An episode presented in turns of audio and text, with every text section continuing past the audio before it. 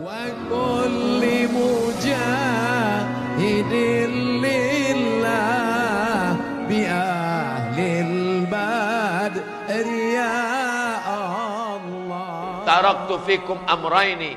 Kutinggalkan pada kamu dua saja. Tempat berpegang dua. Satu di kanan, satu di kiri. Kalau kalian pegang yang dua ini, lan tadillu abada. Kalian tak akan sesat selamanya. Apa itu? Kitabullah Al-Quran wa sunnati sunnah Rasulullah sallallahu alaihi wasallam. Saya pergi ke Pulau Penyengat, tertulis Gurindam 12, tertulis nyata dalam Gurindam yang ditulis oleh Raja Ali Haji diurutkannya empat pegangan dalam Islam Quran, hadis, ijma, qiyas pegangan inilah sekarang yang tidak diberikan kepada anak-anak muda kita. Apa tempat mereka berpegang sekarang? Gamang, galau tak tentu arah tak ada tempat dia berpegang. Pegangannya apa sekarang? Musik. Pegangannya apa sekarang? TV pegangannya sekarang apa? Internet. Pulsa sedang banyak dia tenang. Begitu habis dia galau. Kalau ditinggalkan harta harta binasa. Ditinggalkan kuasa kuasa akan sirna. Ditinggalkan nama nama akan jatuh. Tengku said raja binasa. Tapi ketika kau tinggalkan Quran dan sunnah tak lapuk karena hujan tak lekang karena panas tinggalkanlah itu.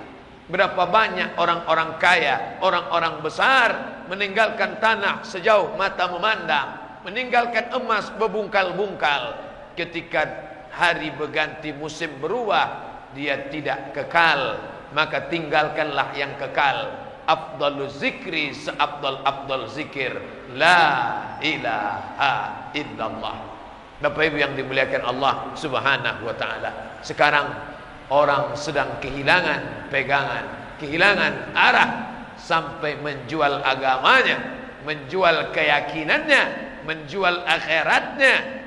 Dunia ini tempat persinggahan. Saya dibawa singgah sebentar ke belakang padang. Singgah berapa lama singgahnya? Untuk apa singgahnya? Kami di sini hanya tiga saja. Datang, solat, makan, ceramah, pulang. Misi kami di pulau ini tiga saja. Datang, makan, sholat, ceramah, pulang. Ini bukan tempat tinggal kami. Tempat tinggal kami di sana. Habis masanya kami pulang. Karena maghrib nanti sudah menunggu janji. Begitu juga dengan tempat persinggahan. Alam roh. Alam rahim alam dunia, alam kubur, alam akhirat. Tak bisa kita minta lama-lama di sini. Dari mana? Alam roh. Pindah ke mana? Alam perut, alam rahim. Pindah ke mana? Alam dunia. Pindah ke mana? Alam kubur. Pindah ke mana? Alam akhirat. Lama di alam dunia. Persinggahan sementara waktu petang. Petang datang, kita pun berlanjut apa kata pepatah orang Melayu? Mumbang jatuh, kelapa pun jatuh. Kalau tegak di bawah pokok kelapa, tengoklah ke bawah. Kelapa tua jatuh, kelapa muda jatuh, mumbang jatuh, mayang jatuh, pelepah pun jatuh. Yang kaya jangan sombong, yang miskin jangan putus asa. Kalau kau miskin, miskin itu sebentar saja. Sementara malaikat maut datang. Kalau kau cacat, buta, lumpuh, pincang, stroke, jangan sakit hati karena kau mengalaminya tak lama. Karena setelah itu kau akan mati menghadap Allah. Yang kaya pun jangan sombong karena kau tak kekal abadi. Kurang hebat apa korun yang hartanya melimpah ruah sekarang tinggal jadi danau. Saya kuliah di Mesir 4 tahun ada danau besar namanya Danau Korun. Bulan 7, bulan Juli, bulan 8, bulan Agustus mahasiswa dibawa jalan-jalan ke Danau Korun. Inilah danau tempat korun tenggelam. Orang paling kaya di dunia Kunci-kuncinya aja dipikul orang-orang tegap bodyguard tak sanggup memikul kuncinya. Belum lagi emas hartanya tenggelam masuk ke dalam danau danau Qarun. Saking kayanya Qarun, kalau ada ibu menggali tanah di belakang rumah, di belakang padang, gali tanah, dapat periuk emas. Apa kata ibu? Periuk Qarun. Padahal tenggelamnya di Mesir, bisa pula periuknya ke belakang padang. Saking hebatnya korun. Harta korun, harta korun itu pakai huruf qaf, korun.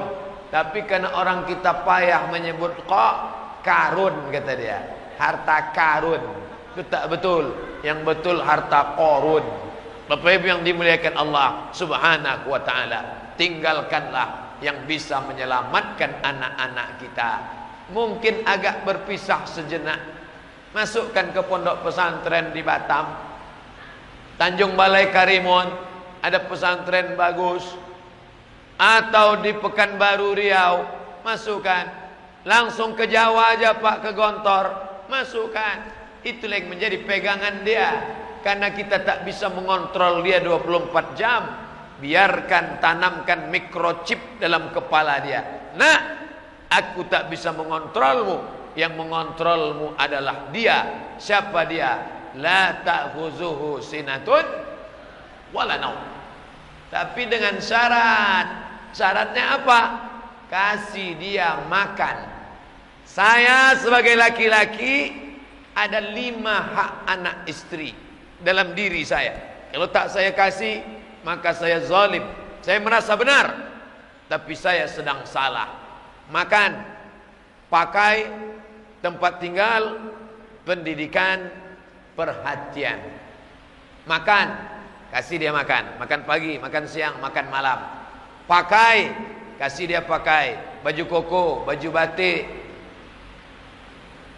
Tempat tinggal, sediakan dia rumah. Belum sanggup buat rumah, kontrak. Nanti sampai masanya ada duit buat rumah. Makan, pakai, tempat tinggal. Pendidikan. Masukkan dia ke sekolah agama. Dulu orang-orang Melayu belajar agama. Di pulau penyengat makam Habib As-Saqqaf As-Segaf itu dari Yaman langsung. Anak-anak raja di pulau penyengat langsung belajar ke ulama dari Yaman. Ulama keturunan Nabi dari Yaman. Makamnya ada di komplek makam sultan. Inilah makam Habib As-Segab ulama dari Yaman yang mengajar agama Islam. Quran, hadis, fikih, tajwid, bahasa Arab, balaghah, ma'ani, mantik, bayan, usul fikih, kawaidul fikih, ulumul hadis, mustalah hadis, hadis tahlili, hadis maudhu'i, tafsir, ulumul Quran, arut qawafi, pelajaran-pelajaran agama. Sekarang pelajaran agama yang 20 ini dipres menjadi lima. Quran, hadis, fikih, bahasa Arab, sejarah Islam. Itu pun kalau SDIT, SMPIT, SMAIT kalau hanya mengharapkan impres instruksi presiden SMP negeri, SMA negeri, STM, SMK negeri hanya pelajaran satu pelajaran agama Islam. Sebodoh-bodoh orang Melayu Tidak ada orang Melayu buta huruf Al-Quran. Kenapa? Karena dia bisa membaca perukunan Melayu. Perukunan Melayu. Yang nulis orang Melayu Pakai huruf Arab Melayu Orang Melayu tak ada huruf Latin A, B, C, D, E, F, G datang setelah Belanda datang Dulu bagaimana nenek moyang kita belajar Pakai huruf Arab Melayu sekarang Arab Melayu digantikan huruf Latin. Apa efeknya? Luar biasa. Segoblok-goblok orang Melayu. Takkan dia tak pandai baca Quran. Karena dia baca huruf Arab Melayu. Setelah Arab Melayu tercampak. Sekarang tinggal huruf Latin. Mau tak mau. Suka tak suka. Kepri saya tak tahu berapa. Yang jelas Riau daratan. Kami di darat sana. Buta huruf Al-Quran. 2015 40% tak pandai tulis baca Al-Quran Dulu belajar mengaji di surau langgar musola ramai mengaum suara tawon di masjid. Aw,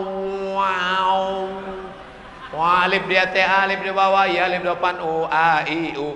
Alif dua di atas, an, alif dua di bawah, in, alif depan on, an, in, on. Sekarang masuk kita ke surau, ke langgar, ke musola. Sunyi.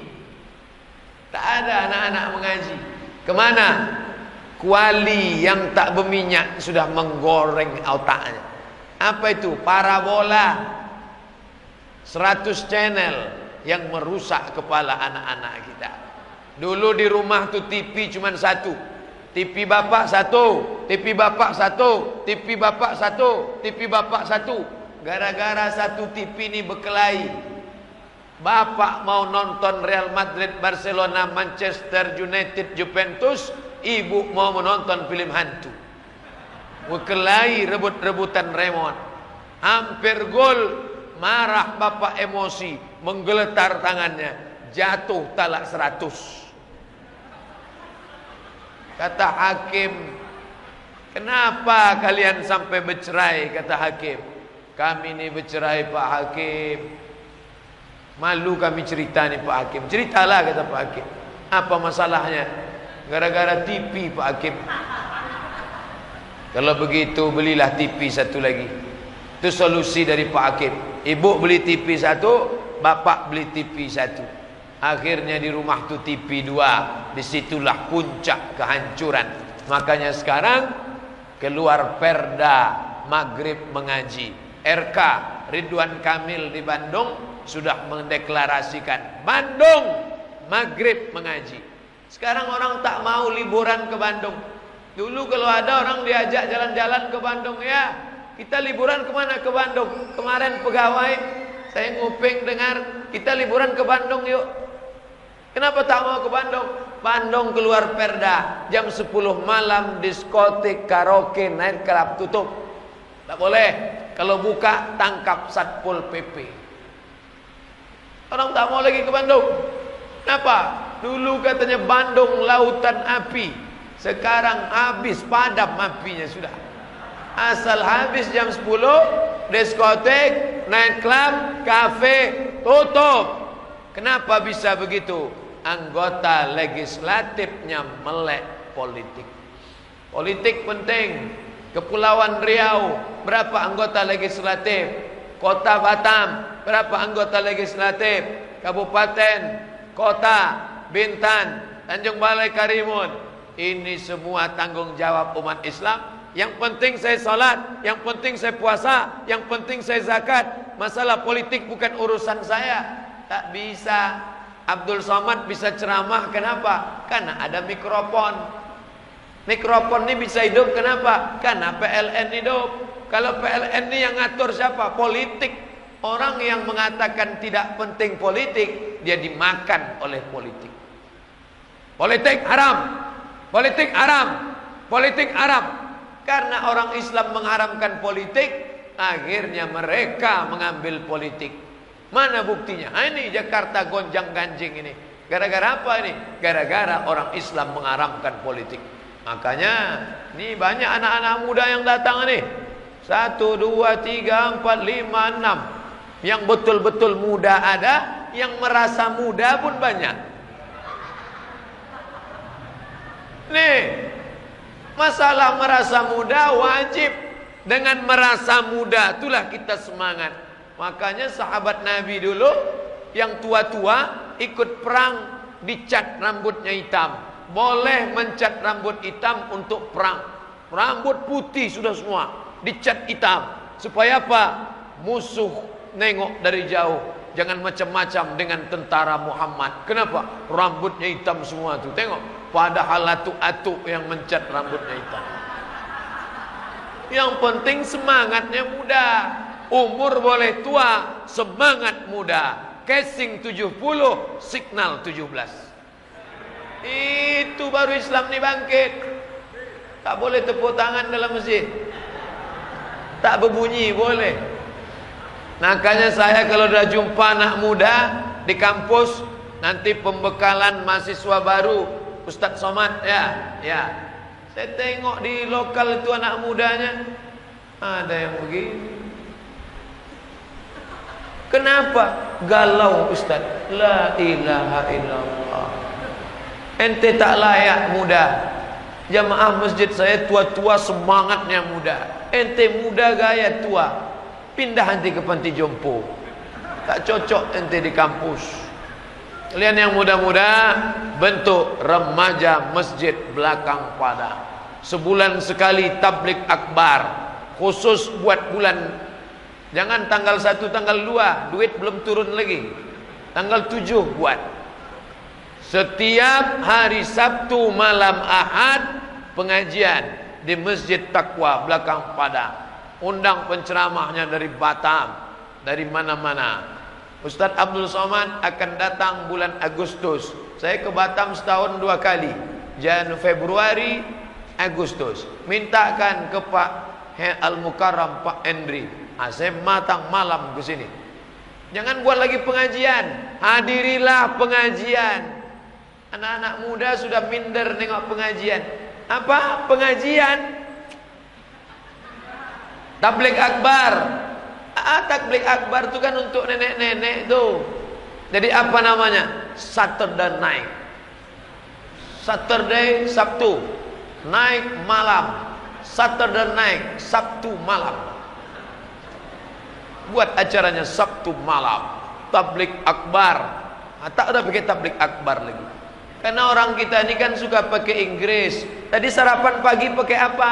Ayam goreng. Ah orang kampung ayam goreng. Kamu pakai apa? Fried chicken. Ada alisinya itu itu juga. Minyaknya pun sama kualinya pun sama. Cuman pakai Inggris saja Gitu juga. Mau ke mana? Pengajian. Eh, kampungan. Mau ke mana? Tablik akbar. Eh. Jadul. Apa acaranya? Saturday night. Wah, barulah buat pengajian, buat dialog, tanya jawab. Anak-anak muda tidak mau ngaji aja, nonton bareng. Pakai infokus, buat dua layar in fokus ganda. Sana satu sini satu. Nonton. Apa judul filmnya? Di bawah mihrab cinta. Apa judulnya? Ayat-ayat cinta. Apa judulnya? Di bawah lindungan Ka'bah. Apa judulnya? Tenggelamnya kapal Panderwik. Setelah nonton bareng kasih pena kasih kertas. Apa saja poin pelajaran yang dapat anda petik dari film tadi? Buat analisa, dialogkan, penting ke depan. Jadi tidak lagi model ceramah aja. Bosan saya ceramah-ceramah nih, monolog saja searah. Ada dialog, ada feedback, ada take and give. Pak Camat hadir, Pak Kua datang, Pak Kapolsek diminta kata sambutan, diminta pula macam-macam yang perempuan-perempuan buat maulid Nabi setahun paling tidak empat hari besar. Maulid Nabi Isra Mi'raj, nuzul Quran, tahun baru hijrah, buat lomba, lomba jadi imam, lomba marhaban, lomba barzanji, lomba nasyid, lomba hadrah, lomba. Ini barzanji, nasyid, hadrah kalau tidak dibuatkan musabaqah akan hancur dengan sendirinya tergeser oleh cinta satu malam, kucing garong dan uh, macam-macam lah. Nah, ini tanggungjawab kita bersama. Ini bumi Melayu. Sekali layar terkembang, surut untuk berpantang, takkan Melayu hilang di bumi. Tapi jangan sampai hilang di belakang padang. Kenapa? Karena kita tidak peduli pada agama, pada tradisi, pada keumatan kita. Jangan sampai orang yang batil itu merasa benar. Apa kata Sayyidina Ali? Kata Sayyidina Ali radhiyallahu an, aku tak khawatir tentang benar dan salah. Karena memang dunia ini tempat hak dan batin. Ada Kabil, ada Habil. Ada Musa, ada Fir'aun. Ada Ibrahim, ada Namrus. Ada Isa, ada Herodes. Ada Muhammad, ada Abu Lahab. Ada Ahok, ada Anis. Dunia ini memang itu sudah pasangannya. Aku tidak pernah khawatir tentang hitam dan putih, tentang lurus dan bengkok. Yang aku khawatirkan adalah orang yang benar diam sehingga orang yang batil merasa benar. Aku tidak khawatir dengan perempuan yang tak berjilbab yang keliaran di jalan karena dunia ini tempatnya orang berjilbab dan yang tak berjilbab. Yang aku khawatirkan orang yang berjilbab diam sehingga orang yang tak berjilbab merasa benar. Aku tidak khawatir tentang anak muda yang pacaran dan yang tak mau pacaran. Karena dunia ini dari dulu memang itulah tempatnya. Ada anak muda yang pacaran, ada yang tak mau pacaran. Yang ku khawatirkan anak muda yang tak mau pacaran itu diam sehingga yang pacaran itu merasa benar. As-sakitu anil haq, syaitan akhras. Orang yang diam terhadap kebenaran. Dia adalah setan bisu. Sudahlah setan bisu lagi. Setan bisu. Naudzubillah. Bapak Ibu yang dimuliakan Allah Subhanahu wa taala kalaulah kita mati yang kita tinggalkan anak-anak yang soleh mereka pertahankan masjid besar ini dengan pengajian dengan tablik akbar tetap ramai solat berjamaah di Pekanbaru masih ada masjid yang lantainya masih pasir. Sujud kita di situ Allahu Akbar. Bangkit kening berpasir. Tapi di belakang padang masjid cantik indah. Tak hanya lantai berkeramik, memanjat sampai ke dinding-dinding berkeramiknya. Cantik. Ada pula huruf berjalannya di atas. Nih, ini bagus nih, bagus. Running text nih bagus. Tapi bagi orang yang solat suka menengok-nengok, asik ke atas saja mata. Nah, maka solat tu tengok tempat sujud. Jangan solat menengok running text. Tengok tempat sujud. Kenapa? Setan datang berbisik alladhi waswis yuwaswisu fi sudurin nas minal jinnati wan nas masjid di mana-mana satu lantai cukup. Ini disediakan sampai dua lantai. Ini menunjukkan masjid ini selalu penuh. Saking penuhnya dibuatkan persediaan tu dia penuh saya solat di masjid karpet dibentang paling-paling cuma satu. Semalam maghrib di Duma di Batam cuma satu baris Pas jamaahnya satu baris, dua baris paling banyak, tapi di sini dibentang panjang.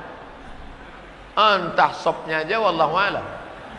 Tapi yang jelas saya husnuzan, kita selalu berharap beginilah hendaknya masjid tetap hidup. Laki-laki soleh solat di masjid. Ni laki-laki orang tua yang muda-muda ni soleh solat di masjid. Laki-laki yang solat di rumah itu laki-laki solehah. Kalau ada anak ibu solat di rumah, suami ibu solat di rumah, itu solehah namanya.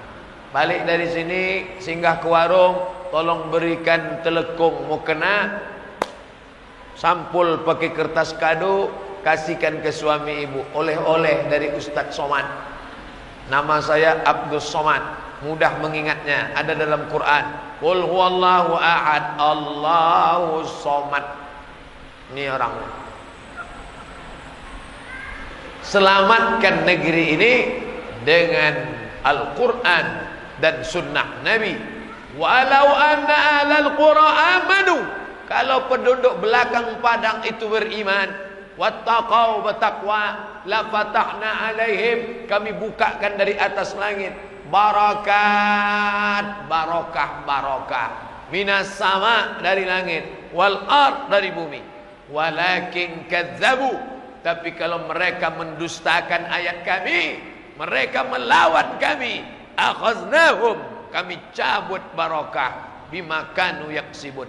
Dicabut Allah taala barakah nauzubillah nauzubillah habis barakah dulu orang-orang cari nafkah tak lama bangun pagi pergi ke sawah tanam padi balik Solat subuh, solat zuhur, solat asar, solat maghrib, solat isya. Selesai. Orang sekarang pergi pagi, pulang petang, peras keringat, banting tulang, solat tinggal, dunia tak dapat, akhirat melarat. Jangan sampai ini terjadi pada kita. Datuk nenek moyang kita dulu tinggal di tepi laut, pergi ke laut, memancing, menjaring, dapat ikan, jual. Anak bisa sekolah, berhasil, solat tak tinggal, hidup tentram, adab, ayam, husnul khatimah, fid dunia hasanah, wa fil akhirati hasanah.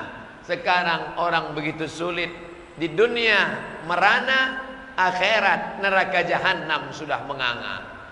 Dunia tak dapat, akhirat tak sempurna. Maka jangan sampai kita dua-dua tak dapat. Andai tak dapat salah satu, biarlah dunia tak dapat. Tapi akhirat jangan sampai tak melekat, tak bisa dibawa menghadap Allah Subhanahu wa taala. Bapak Ibu yang dimuliakan Allah, kehidupan yang singkat sebentar sejenak ini dari azan ke solat. Lahir azan, mati solat. Lahir diazankan telinga kanan, mati disolatkan. Ditulis di dinding masjid antara azan dan iqamat 15 menit. 15 menit itulah kita hidup. Azan iqamat 15 menit kecuali maghrib langsung solat. Iya kalau kita yang zuhur 15 menit. Kalau yang maghrib begitu qomat langsung solat tak sempat apa-apa lagi. Apa yang mau dibawa menghadap Allah Subhanahu wa taala? Maka bapak yang masih sempat solat berjamaah dalam acara ini ramai. Pak Camat ada, Pak Ketua Lam ada, Pak Kua ada, orang tua ada, anak muda ada, ibu-ibu ada, bapak-bapak ada. Selamatkan keluarga, selamatkan Islam di belakang padang, selamatkan solat berjamaah. Insya Allah Allah berjanji baldatun tayyibatun wa rabbun ghafur. Negerinya aman. Allah memberikan ampunan. Masalah orang baik tak baik. Ini bukan cerita baru. Pak Ustaz, di tempat kami banyak orang yang tak baik. Di mana orang baik semua? Di Makkah pun banyak orang tak baik. Buktinya mana? Banyak orang pergi umrah dompetnya hilang. Pergi haji dompetnya hilang. Dipesankan keluarga dari kampung. Dulu belum ada embarkasi Batam. Dulu semua jamaah haji Riau itu ke Medan, Polonia Medan.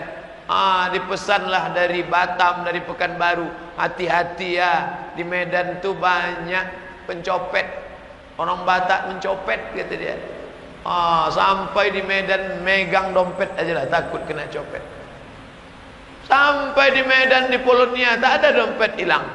Begitu sampai di Makkah, dianggapnya orang Makkah tu baik, tak pegang lagi, hilang dompet. Di mana dompet? Hilang. Siapa yang ngambil? Di Makkah ni banyak juga Batak ternyata. Di Makkah itu tidak semuanya baik. Saya bolak-balik bawa jamaah haji umrah. Jangan kalian sangka sini baik. Jangan menyimpan duit di tempat satu saja. Serak duit. Bapak bawa duit berapa? 2000 rial. 500 di sini, 500 di sini, 500 di sini, 500 di sini. Kalau hilang di sini masih ada 1500. Gitu caranya. Iyalah Pak Ustaz. Sampai di Makkah lapor, hilang duit saya Pak. Siapa ngambil? Udah saya bagi. Terus lupa saya baginya kemana aja. Oh, salah sendirilah. Bapak Ibu yang dimuliakan Allah Subhanahu wa taala, dimanapun tempat yang namanya baik dan buruk tetap ada. Di Makkah cuma satu yang baik, Muhammad, Abu Jahal, Abu Lahab, Abu Talib, Abu Sufyan. Banyak musuh-musuh Allah. Jadi kalau di tempat kita banyak orang baik, banyak orang tak baik, itu sunnatullah biasa. Ini adalah perjuangan hidup. Tadi saya mulai ceramah jam 2 sekarang pas jam 3 60 menit saya ceramah di mana-mana saya ceramah 60 menit sesuai dengan yang tertulis di botol aqua 600 ml ya kalau lebih daripada itu tumpah Bapak Ibu yang mau tambahan bisa buka www.youtube.com. Tulis nama saya situ, Ustadz Abdul Somad. Kalau mau ceramah kurban, Somad Kurban. Ceramah tentang Syiah, Somad Syiah. Ceramah tentang Erdogan, Somad Erdogan. Ceramah tentang macam-macam. Tambahkan saja di ujungnya dapat download gratis.